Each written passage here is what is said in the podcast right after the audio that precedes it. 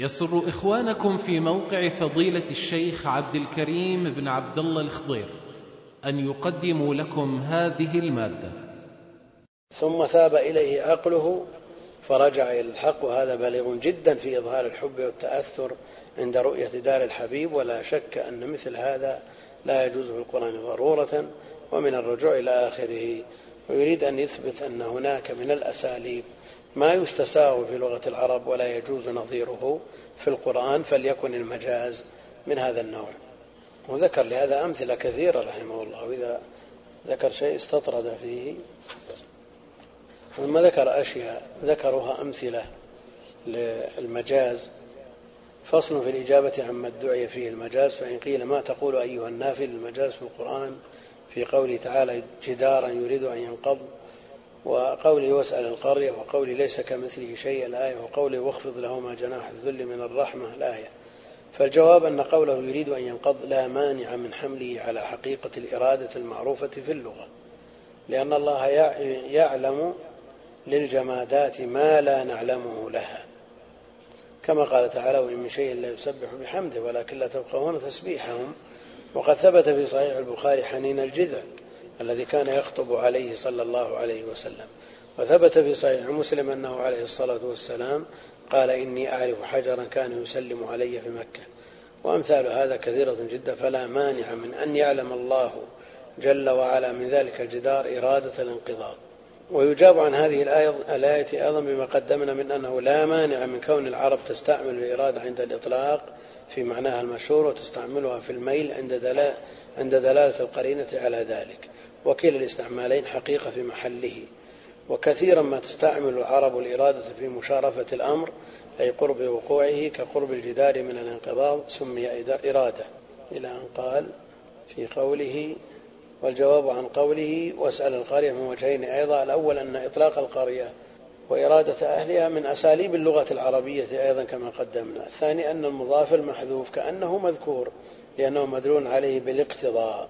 وتغيير الإعراب عند الحذف من أساليب اللغة أيضا كما عقده في الخلاصة. وما يأتي المضاف يأتي خلف عنه في الإعراب إذا ما حذف مع أن كثيرا من علماء الأصول يسمون الدلالة على المحذوف في نحو قوله وسل القرية دلالة الاقتضاء. واختلفوا هل هي من المنطوق غير الصريح أو من المفهوم.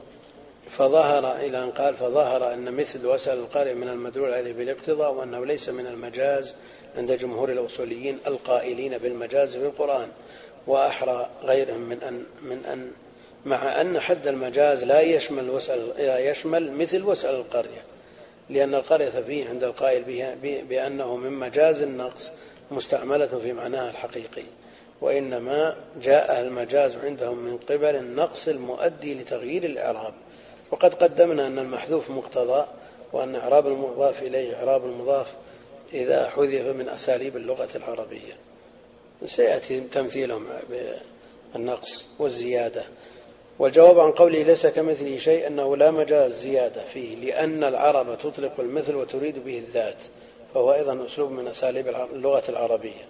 وهو حقيقة في محله كقول العرب مثلك لا يفعل هذا يعني لا ينبغي لك أن تفعل هذا. ودليل هذا وجوده في القرآن الكريم كقوله تعالى وشاهد شاهد من بني إسرائيل على مثله. أي شهد على القرآن أنه حق. وقوله تعالى ومن كان ميتا فأحييناه وجعلنا له نورا يمشي به في الناس كمن مثل في الظلمات. يعني كمن هو في الظلمات. فإن آمنوا بمثل ما آمنتم به أي بما آمنتم به. على أظهر الأقوال وتدل عليه قراءة ابن عباس فإن آمنوا بما آمنتم به. والجواب عن قوله تعالى واخفض لهما جناح الذل. أن الجناح هنا مستعمل في حقيقته لأن الجناح يطلق حقيقة على يد الإنسان وعضده وإبطه. قال تعالى واضمم إليك جناحك من الرهب. والخفض مستعمل في معناه الحقيقي الذي هو ضد الرفع لأن مريد البطش يرفع جناحيه ومظهر الذل والتواضع التواضع يخفض جناحيه. فالأمر بخفض الجناح للوالدين كناية عن لين الجانب لهما والتواضع لهما. كما قال النبي صلى الله عليه وسلم واخفض جناحك لمن كما قال لنبيه كما قال لنبيه صلى الله عليه وسلم واخفض جناحك لمن اتبعك من المؤمنين. وإطلاق العرب خفض الجناح كناية عن التواضع ولين الجانب أسلوب معروف.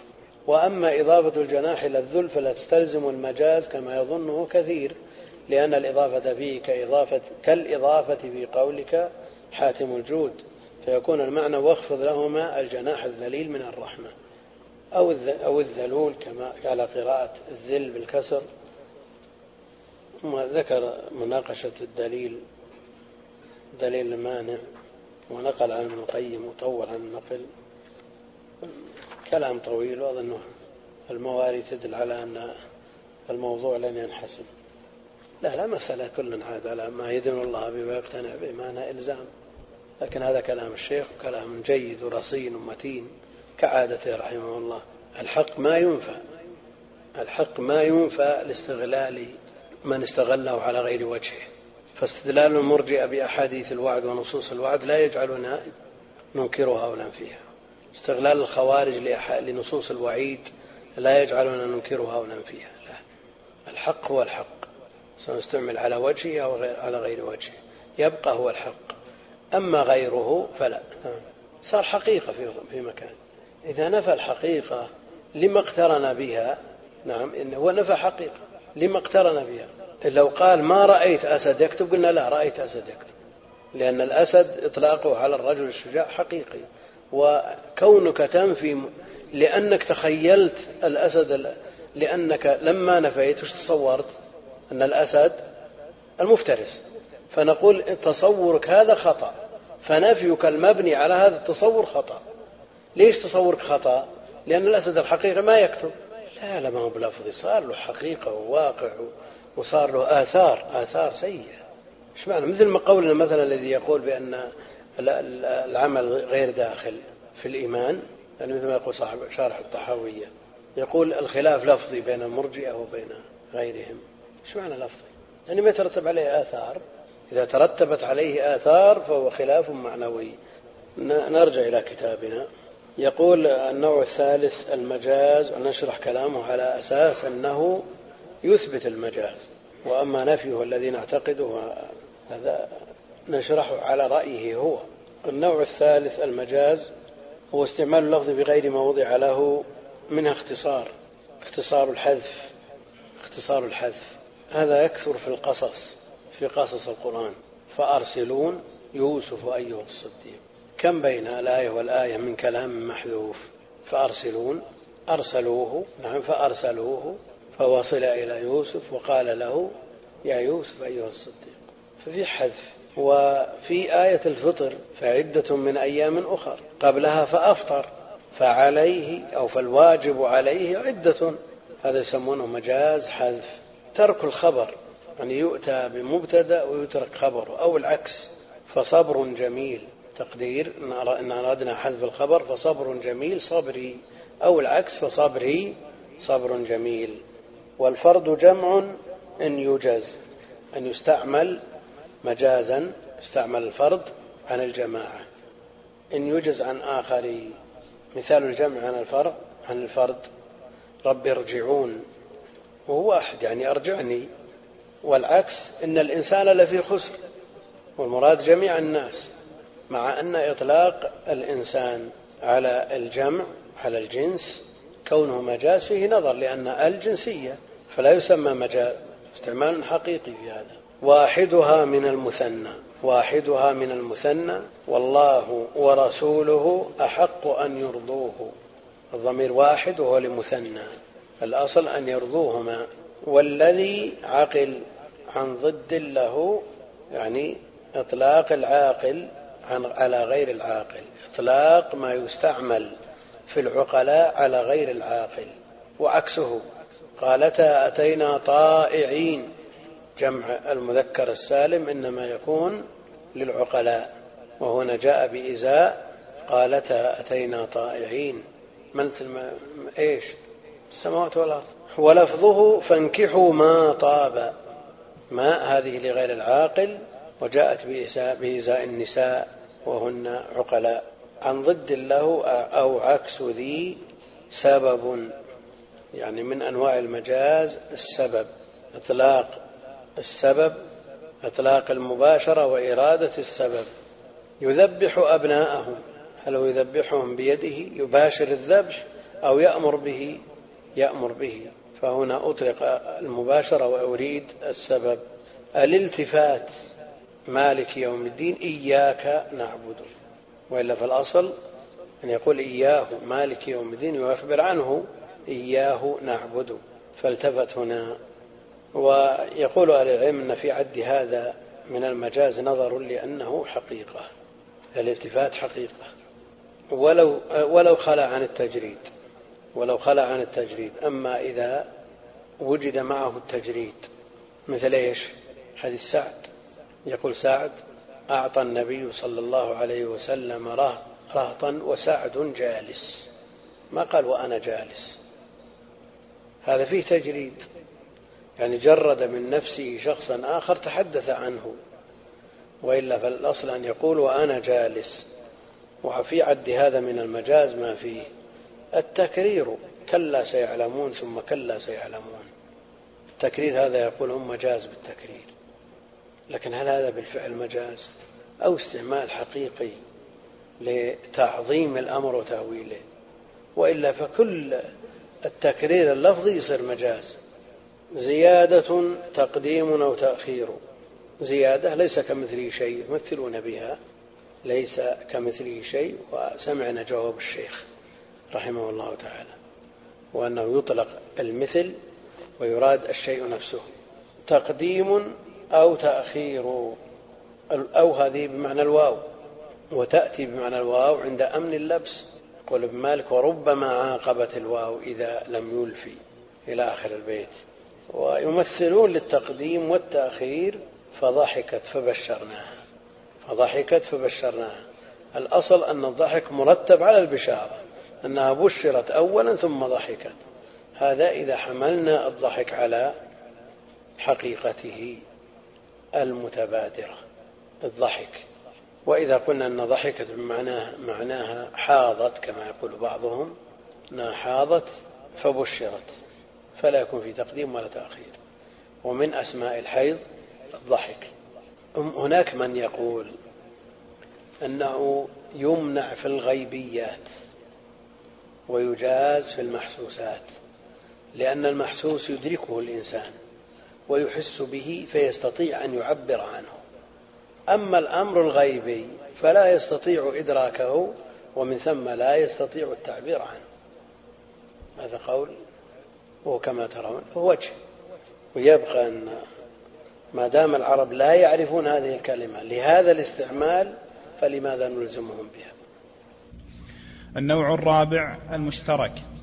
قرء وويل الند والمولى جرى تواب الغي مضارع ورى. يقول الناظم رحمه الله تعالى في النوع الرابع من أنواع العقد الرابع مما يرجع إلى الألفاظ المشترك. اللفظ الذي يحتمل أكثر من معنى. اللفظ الذي يحتمل أكثر من معنى. فإذا قلت رأيت عينا رأيت عينا. هل يستطيع إنسان أن يقول كذبت؟ وأنت رأيت ذهب مثلا أو عين جارية أو عين باصرة. رأيت واحد, واحد من هذه الأمور التي يشملها اللفظ المشترك. لا يستطيع. حتى يجزم بأنك لم ترى جميع ما يطلق عليه المشترك. يعني ما رأيت ولا فرد من أفراد المشترك يستطيع أن يقول كذبت. لكن هل يستطيع أن يقول كذبت في مواجهتك؟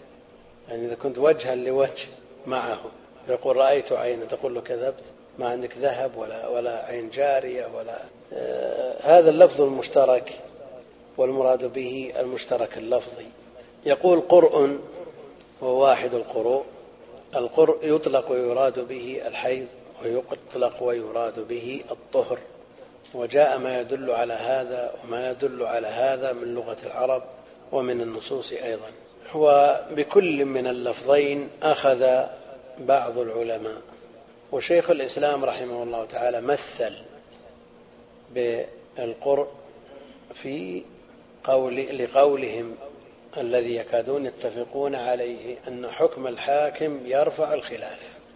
يقول شيخ الإسلام أن حكم الحاكم المراد بالحاكم الذي حكمه يرفع الخلاف من يعرف الخلاف ويستطيع أن يرجح. نعم فإذا رجح أحد المحتملين ارتفع الخلاف. أما شخص لا يدري ما الطهر من الحيض مثل بهذا.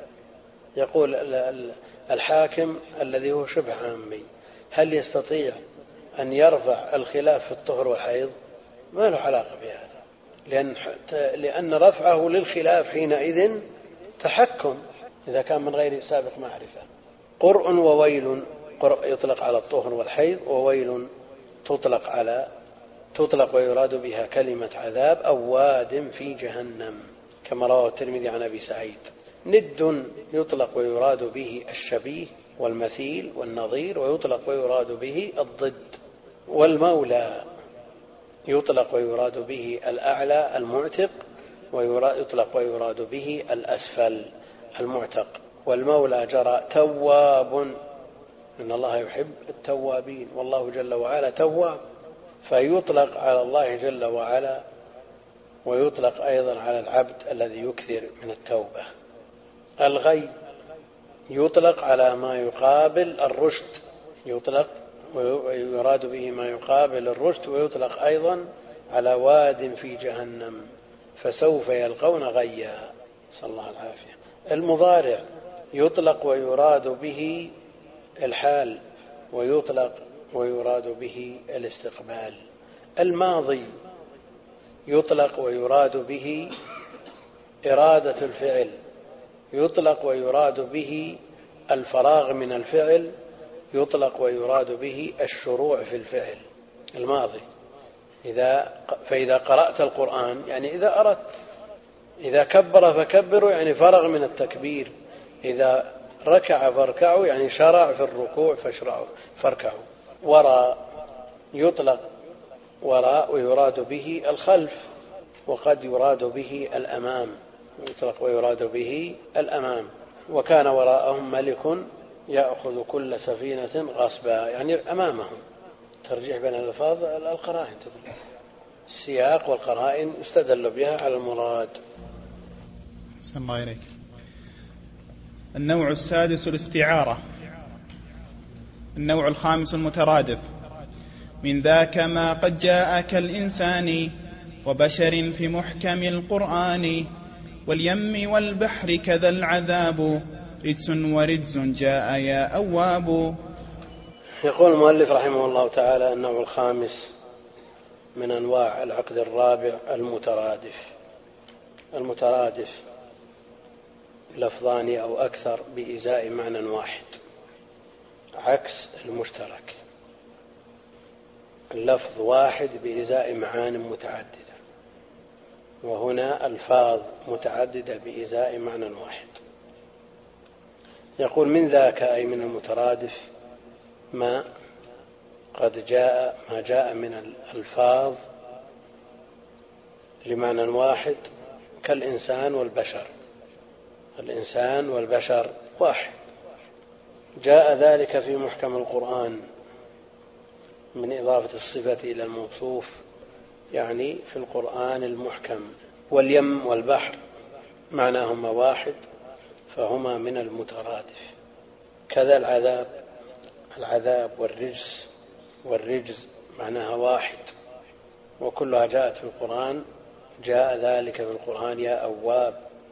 يا كثير الأوبة والتوبة والرجوع إلى الله جل, إلى الله جل وعلا. على أن من أهل العلم من يمنع المترادف. من يمنع المترادف. ويقول لا يوجد في لغة العرب كلمتان متطابقتان من كل وجه. والإنسان له دلالته والبشر له دلالته. يدلان على حقيقة واحدة. لكن دلالة الإنسان على على على بني آدم غير دلالة البشر على بني آدم وإن دلتا على بني آدم. الإنسان يلاحظ فيه سبب التسمية وهو النسيان. والبشر يلاحظ فيه ظهور بشرته بخلاف سائر الحيوان. بشرته غير ظاهرة مغطاة بالصوف. المقصود أن أن أن هناك من الألفاظ ما تظن أنها متطابقة. وبعض العلماء ينفي الترادف الذي هو التطابق من كل وجه. وكتاب الفروق اللغوية لأبي هلال العسكري يبين ما بين الألفاظ من فروق دقيقة بتصرفات قد لا تخطر على البال. يعني الجلوس والقعود مثلا. نعم. الفروق اللغوية لأبي هلال العسكري. القعود والجلوس. قالوا في القعود أنه من قيام. والجلوس من اضطجاع مثلا. جلوس من اضطجاع. ونص على هذا في القاموس. وهو مسألة منع. يقول دلالته على ذات واحدة واردة لكن يبقى أن كيفية الدلالة على هذه الذات في فرق. قالوا القعود من قيام والجلوس من اضطجاع. لو أردنا أن نطبق مثل هذا الكلام القاموس قال القعود هو الجلوس يعني مترادفان. وقيل القعود من قيام والجلوس من اضطجاع ونحوه. إذا أردنا أن نقول بهذا الكلام وأردنا أن نطبق على حديث إذا دخل أحدكم المسجد فلا يجلس حتى يصلي ركعتين. هو الآن إذا دخلكم مضطجع ولا قائم؟ قائم. إذا يحتاج إلى قعود ولا جلوس على تفريقهم؟ يحتاج إلى قعود. إذا لا يلزم ركعتين. بينما لو كان مضطجعا ثم جلس يلزمه على تفريقهم. مو بهذا اللازم على تفريقهم هذا اللازم على تفريقهم. على كل حال دلالة الأكثر من لفظ على شيء واحد موجود في اللغة وفي النصوص لكن كيفية الدلالة على هذا الشيء مع ملاحظة الأصل أصل الكلمة مع ملاحظة أصل الكلمة ومأخذ الكلمة لا بد فيه من فرق. صلى الله عليك النوع السادس الاستعارة. وهي تشبيه بلا أداة وذاك كالموت وكالحياة في مهتد وضده كمثل هذين ما جاء كسلخ الليل. النوع السادس الاستعارة. والسابع التشبيه. قالوا لو قدم التشبيه على الاستعارة. لكان أنسب. لماذا؟ لأن الاستعارة تشبيه إلا أنها بغير الأداة. فكيف نعرف الاستعارة التي أحيل في تعريفها على التشبيه والتشبيه لاحق؟ يعني إذا رأيت شخص اسمه عمرو وأردت أن تقربه لشخص معك قلت هذا قال لك هذا الشخص له شبه أنا أعرف. شخص يشبه هذا فتقول يشبه زيد. هو ما رأى زيد البتة فلا بد أن تأتي بزيد ليراه ثم تقول يشبه زيد. فهم يقولون الاستعارة تشبيه فكونك تحيل على مجهول ما بعد عرفه السامع ولا القارئ. التشبيه فالأصل أن يقدم التشبيه على الاستعارة لأن الاستعارة عبارة عن تشبيه. لكن التشبيه بالأداة وهذه بغير أداة. فالأنسب تقديم التشبيه على الاستعارة. لكن الاستعارة قالوا إن لها ارتباط وثيق بالمجاز. إذ هي نوع من أنواعه ومتولدة منه. متولدة من بين المجاز والتشبيه. فهي مجاز علاقته التشبيه. فلصلتها بالمجاز قدموها. لكن باعتبار أن لها صلة بالمجاز ولها أيضا صلة بالتشبيه ينبغي أن تكون الاستعارة بعد المجاز وبعد التشبيه. والأمر سهل يعني التقديم عندهم له وجه عندهم. لأنها أبلغ من التشبيه فاستحقت التقديم من هذه الحيثية. قال وهي تشبيه لشيء بشيء بلا أداة يعني مع حذف الأداة. هذا التشبيه على ما سيأتي. وما وحذف وجه الشبه. وحذف وجه الشبه. وحذف المشبه في الاستعارة التصريحية وحذف المشبه به في الاستعارة المكنية. وهذه أمور تعرف تفاصيلها. من التلخيص وشروحه بلا أداة وذاك التشبيه كالموت وكالحياة. كالموت فمن كان ميتا فأحييناه. كالموت وكالحياة. الموت مستعار للضلال يعني كان ضالا فهديناه. والحياة مستعارة للهداية. كالموت والحياة في كل منهما استعارة.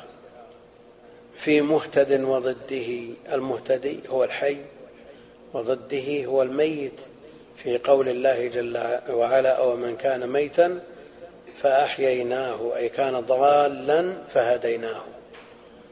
وهذا ظاهر وضده آه، في مهتد وضده كمثل هذين التشبيهين ما جاء أي التشبيه الذي جاء كسلخ الليل وآية لهم الليل نسلق منه النهار. الأصل أن السلخ يكون للجلد. جلد الدابة إذا سلخ وأبين منها ظهرت. كانت الدابة هذه أو الشاة أو الخروف وما أشبه ذلك مغطاة بالجلد الذي فوقه الشعر. فإذا سلخ هذا الجلد ظهرت كظهور النهار فسلخ الليل استعارة استعارة من سلخ جلد الدابة مع حذف الأداة وحذف المشبه. نعم. الله إليك. النوع السابع التشبيه. وما على اشتراك أمر دلا مع غيره التشبيه حيث حلا والشرط ها هنا اقترانه مع أداته وهو كثيرا وقعا. يقول الناظم رحمه الله تعالى في النوع السابع التشبيه وما على اشتراك وما على اشتراك أمر دل مع غيره التشبيه حيث حل. ما؟ هذه خبر مقدم وعلى اشتراك جار ومجرور متعلق بدل اشتراك أمر مضاف إليه دل الألف ألف إطلاق مع غيره التشبيه, التشبيه مبتدا مؤخر. فعلى هذا يكون التشبيه ما على اشتراك أمر مع غيره. يشتركان في شيء يسمى وجه الشبه ويكون هذا الاشتراك اشتراك المشبه بالمشبه به بواسطة الأداة حيث حل. فالتشبيه هو الكلام الدال على اشتراك أمر مع غيره في معنى بينهما معنى يجمع بينهما هو وجه الشبه. والشرط ها هنا في التشبيه اقترانه مع أداته. التشبيه الشرط أن يقترن بالأداة. مع هذه الألف للإطلاق مع أداته اقترانه مع أداته. إذ لو لم تقترن به الأداة لصار استعارة والشرط ها هنا اقترانه مع أداته وهو كثيرا وقع. كثيرا صفة مقدمة لمفعول مطلق فيكون المعنى وقع وقوعا كثيرا. أركان التشبيه أربعة. المشبه والمشبه به والأداة ووجه الشبه. ويقول أهل البيان ما فقد الأداة لفظا إن قدرت الأداة فهو تشبيه وإلا فاستعارة. وأدوات التشبيه الكاف ومثل ومثل وكأن وتدخل الأداة على المشبه به. الأداة تدخل على المشبه به.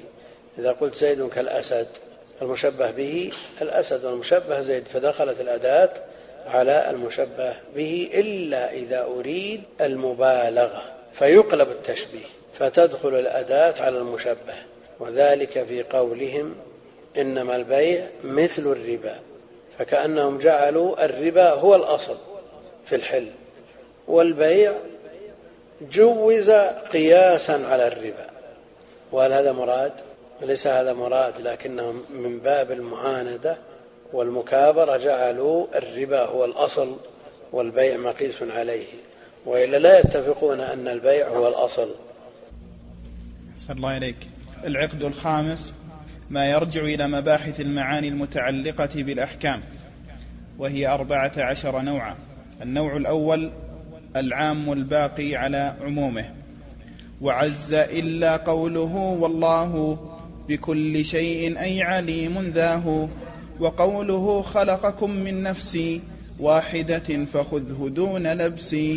العقد الخامس فيما يرجع إلى مباحث المعاني ومعرفته من أهم المهمات. نعم الألفاظ معرفتها مهمة وهي ظروف المعاني. فالمعاني لا تقوم إلا بألفاظ فمعرفة الألفاظ مهمة. لكن معرفة المعاني أمر لا بد منه. كيف يفهم الإنسان القرآن؟ كيف يعمل بالقرآن؟ أو السنة؟ إلا إذا عرف المعاني. العقد الخامس ما يرجع إلى مباحث المعاني المتعلقة بالأحكام. المتعلقة بالأحكام عن المعاني التي لها أثر كبير في الأحكام. وهي أربعة عشر نوعا النوع العام الأول العام الباقي على عمومه. عندنا عام وخاص ومطلق ومقيد. عام وخاص ومطلق ومقيد وعندنا ناسخ ومنسوخ عندنا أشياء كثيرة تتعلق بهذا من أهم ما يبحث في علوم القرآن. فالعام ما يشمل شيئين فصاعدا من غير حصر. ما يشمل شيئين فصاعدا من غير حصر وضده الخاص وهو ما لا يتناول شيئين فصاعدا. النوع الأول العام الباقي على عمومه. أن عندنا عام باقي على عمومه وعام مخصوص وعام يراد به الخصوص. العام الباقي على عمومه هذا هو المحفوظ. الذي لم يدخل فيه تخصيص باقي على عمومه. والعام الذي أريد به الخصوص من الأصل لا يتناول أفراد. المتكلم حينما تكلم بهذا اللفظ العام لا يريد منه جنس أفراد هذا اللفظ إنما يريد منه بعض الأفراد. فهو, فهو عام يراد به الخصوص من قبل المتكلم. لكن لو كان المتكلم حينما تكلم بهذا اللفظ العام يريد جميع الأفراد ثم بعد ذلك أورد ما يخرج بعض هذه الأفراد صار من العام المخصوص.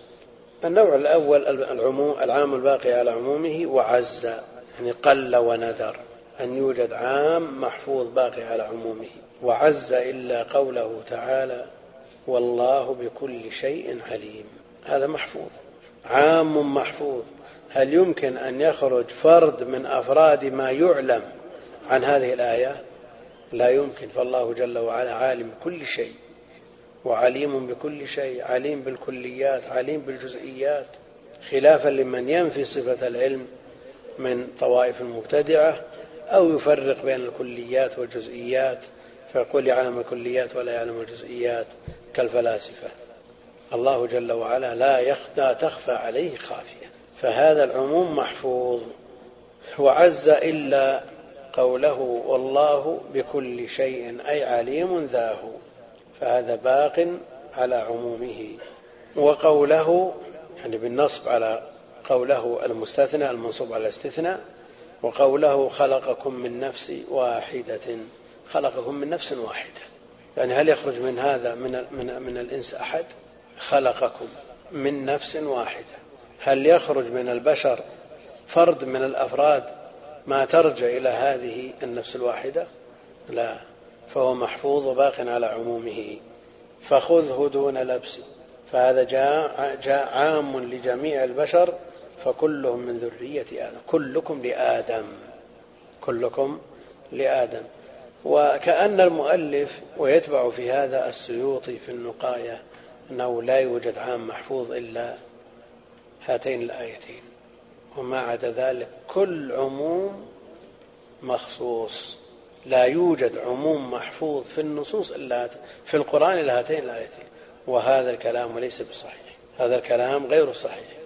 إن الله لا يظلم الناس شيئا. مخصوص هذا ولا على عمومه؟ نعم.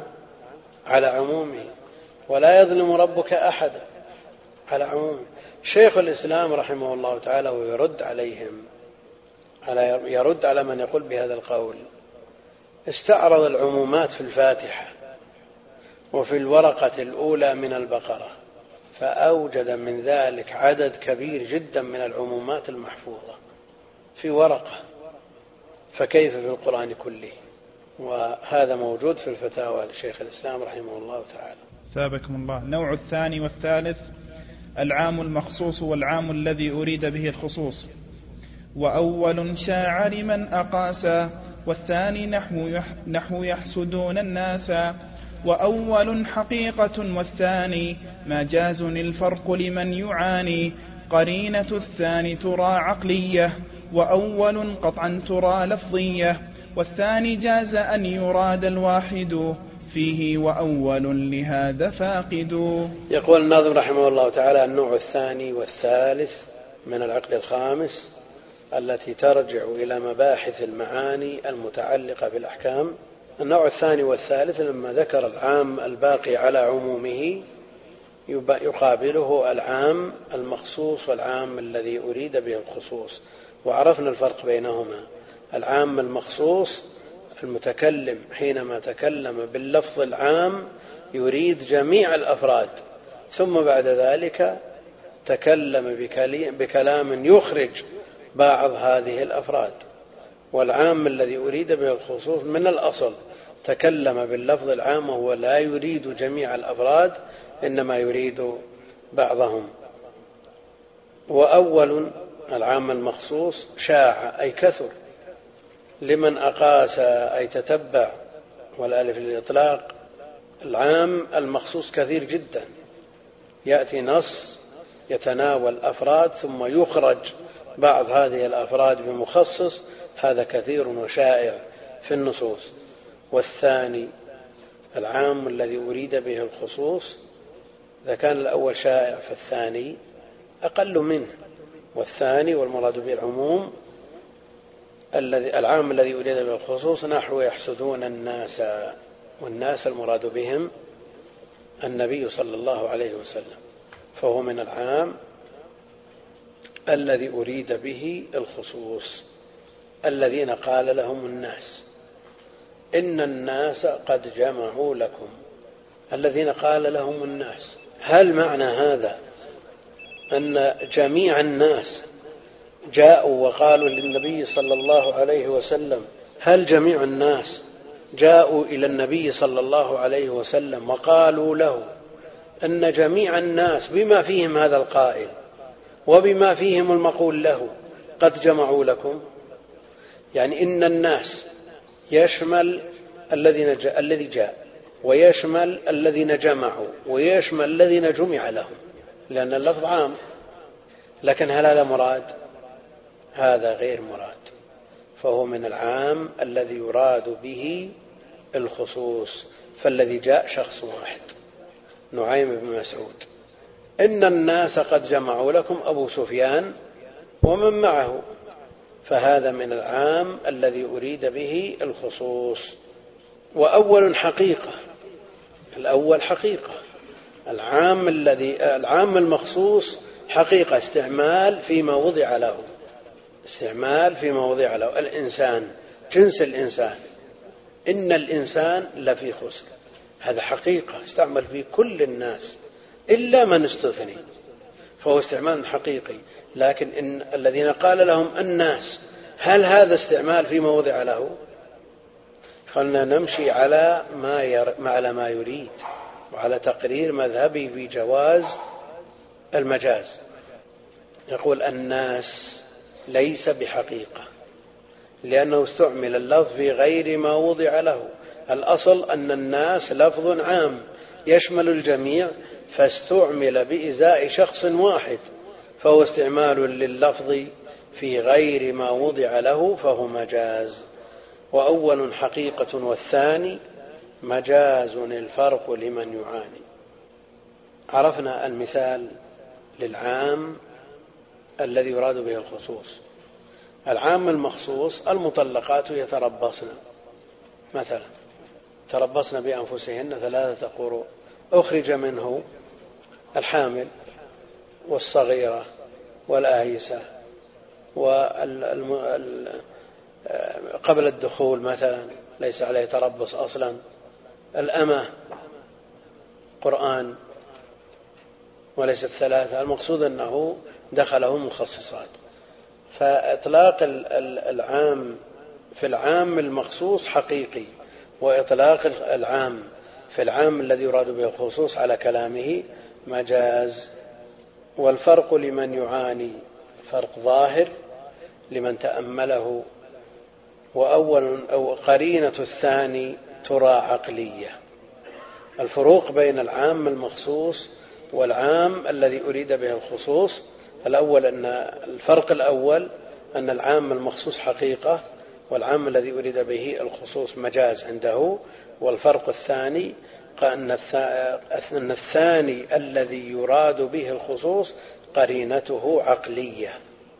قرينته عقلية. يعني العقل يدرك أن الناس كلهم جميع ما على وجه الأرض من الناس جاءوا للنبي عليه الصلاة والسلام بما فيهم النبي عليه الصلاة والسلام. وبما فيهم من جاء وبما فيهم من يعد له العدة. قرينة العقل يأبى هذا. فالثاني قرينته عقلية. يعني العام الذي أريد بالخصوص قرينته عقلية عن إرادة المعنى العام. وأول قطعا العام المخصوص ترى لفظية. ترى لفظية كالاستثناء مثلا. والشرط والصفة وغير ذلك من المخصصات. مخصصات لفظية. قرينة الثاني ترى عقلية وأول قطعا ترى لفظية.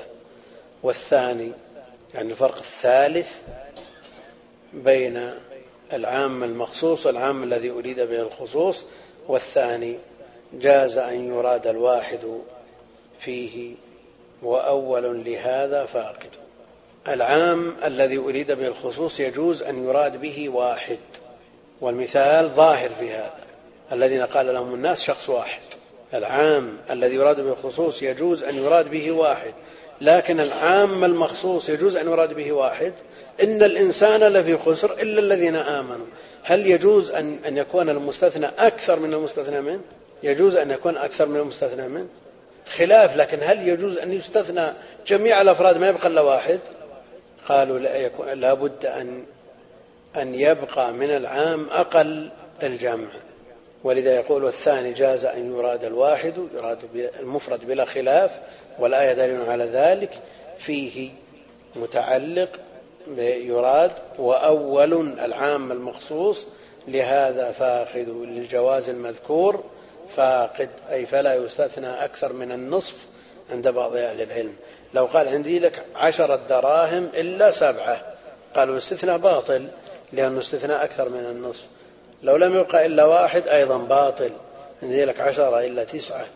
ابحثوا في باب الإقرار لكن يستثنى أقل من النصف جائز. وأكثر جائز إذا بقي أقل للجمع عند بعضهم. صلى الله وسلم وبارك على عبده ورسوله نبينا محمد وعلى آله وصحبه أجمعين.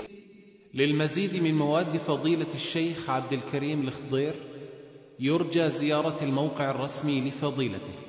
www.كدير.com والسلام عليكم ورحمة الله وبركاته